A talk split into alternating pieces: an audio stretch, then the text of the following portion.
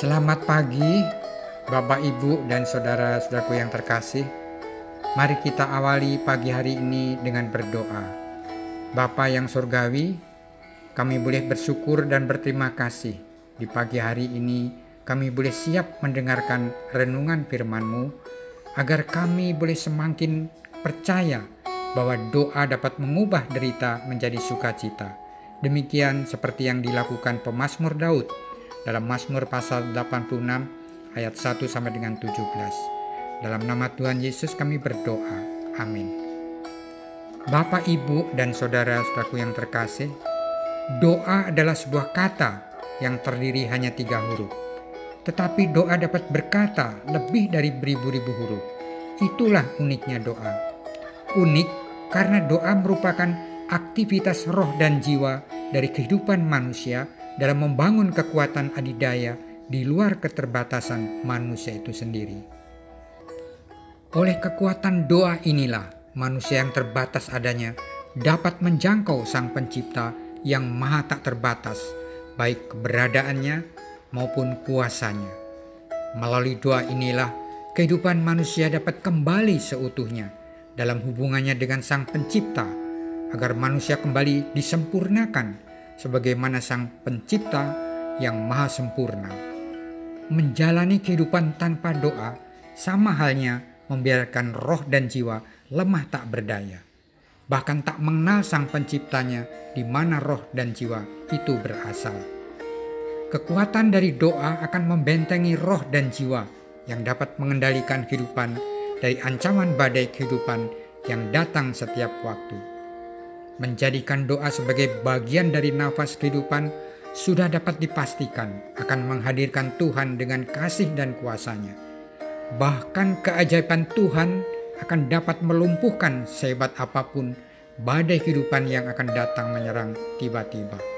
Inilah yang diperankan Daud sebagai sosok tokoh pendoa dalam Mazmur pasar 86 yang menjadi renungan kita hari ini bagaimana Allah dapat menjawab doa Daud sehingga derita diubah menjadi sukacita. Saya akan membacakan kitab Mazmur pasal 86 ayat 1, 2, dan 17. Demikian bunyinya. Doa Daud. Sendengkanlah telingamu ya Tuhan. Jawablah aku, sebab sengsara dan miskin aku. Peliharalah nyawaku, sebab aku orang yang kau kasihi. Selamatkanlah hambamu yang percaya kepadamu lakukanlah kepadaku suatu tanda kebaikan, supaya orang-orang yang membenci aku melihat dengan malu bahwa Engkau ya Tuhan telah menolong dan menghibur aku. Demikianlah firman Tuhan. Bapak, Ibu, dan saudara-saudaraku yang terkasih, Mazmur pasal 86 ini diberikan judul Doa Daud. Daud sebagai pemazmur memohon Allah agar mendengar doanya karena dirinya sedang tertekan oleh ancaman maut. Pemasmur menyebut dirinya sebagai seorang yang miskin dan anak laki-laki hambamu perempuan. Ini merupakan kerendahan hatinya yang mengaku bahwa ia tak memiliki apa-apa selain Allah dan bergantung hidup sepenuhnya kepada Allah. Karena memang dirinya adalah anak dari perempuan hamba tuannya, yaitu Allah itu sendiri. Dari sinilah pemazmur percaya penuh bahwa Tuhan adalah Tuhan yang baik, suka mengampuni, panjang sabar, dan berlimpah kasihnya. Yang pertama pemazmur menyerukan doanya dengan segenap hati dan jiwanya. Memohon agar Allah menjaga dan melepaskan dirinya dari cengkeraman maut. Pemazmur meyakini bahwa Allah akan menjawab doanya sehingga membuat dirinya akan bersuka cita Keyakinan itu bukan tanpa alasan, karena pemazmur mengetahui bahwa Allah satu-satunya yang ia kenal adalah Allah yang baik, berbelas kasih, dan suka mengampuni. Ayat 2 sampai dengan 7. Yang kedua, pemazmur mengangkat pujian dan pengakuannya kepada Allah bahwa Allah itu maha agung dan tidak ada lagi yang lain seperti Dia, baik dalam esensi, eksistensinya maupun aksi karyanya. Bahkan dengan tegas pemazmur menyatakan, sudah sepatutnya segala makhluk ciptaan Allah, terutama semua bangsa, harus datang sujud menyembah dan memuliakan namanya. Karena hanya dialah satu-satunya Allah yang telah melakukan perbuatan-perbuatan yang ajaib. Ayat 8 sampai dengan 10. Ketiga pemazmur tidak sekedar bersuka cita atas didengar doanya. Dirinya juga berkomitmen akan membulatkan hati untuk hidup taat, menjalani hidup yang benar, selalu bersyukur memuliakan namanya. Karena memang besarnya setia Allah yang telah melepaskan nyawanya dari ujung maut. Ayat 11 sampai dengan 13. Yang keempat, pemazmur menjelaskan atas derita maut yang dialaminya. Siapa yang membuat mereka itu? Mereka adalah orang-orang angkuh, sombong, pelaku kekerasan, dan yang tak peduli terhadap Allah, yang akan merenggut nyawa sang pemazmur.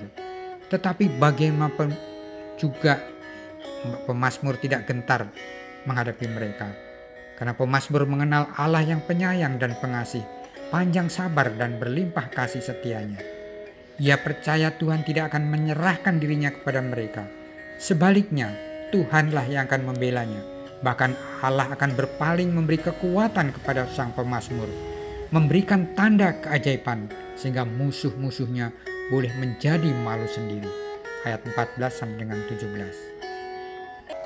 Bapak, Ibu, dan saudara-saudaraku yang terkasih, Allah menghadirkan kita di dunia untuk menjalani kehidupan dari waktu ke waktu, dan tentu kita dapat mengalami setiap perubahan yang terjadi oleh waktu itu sendiri.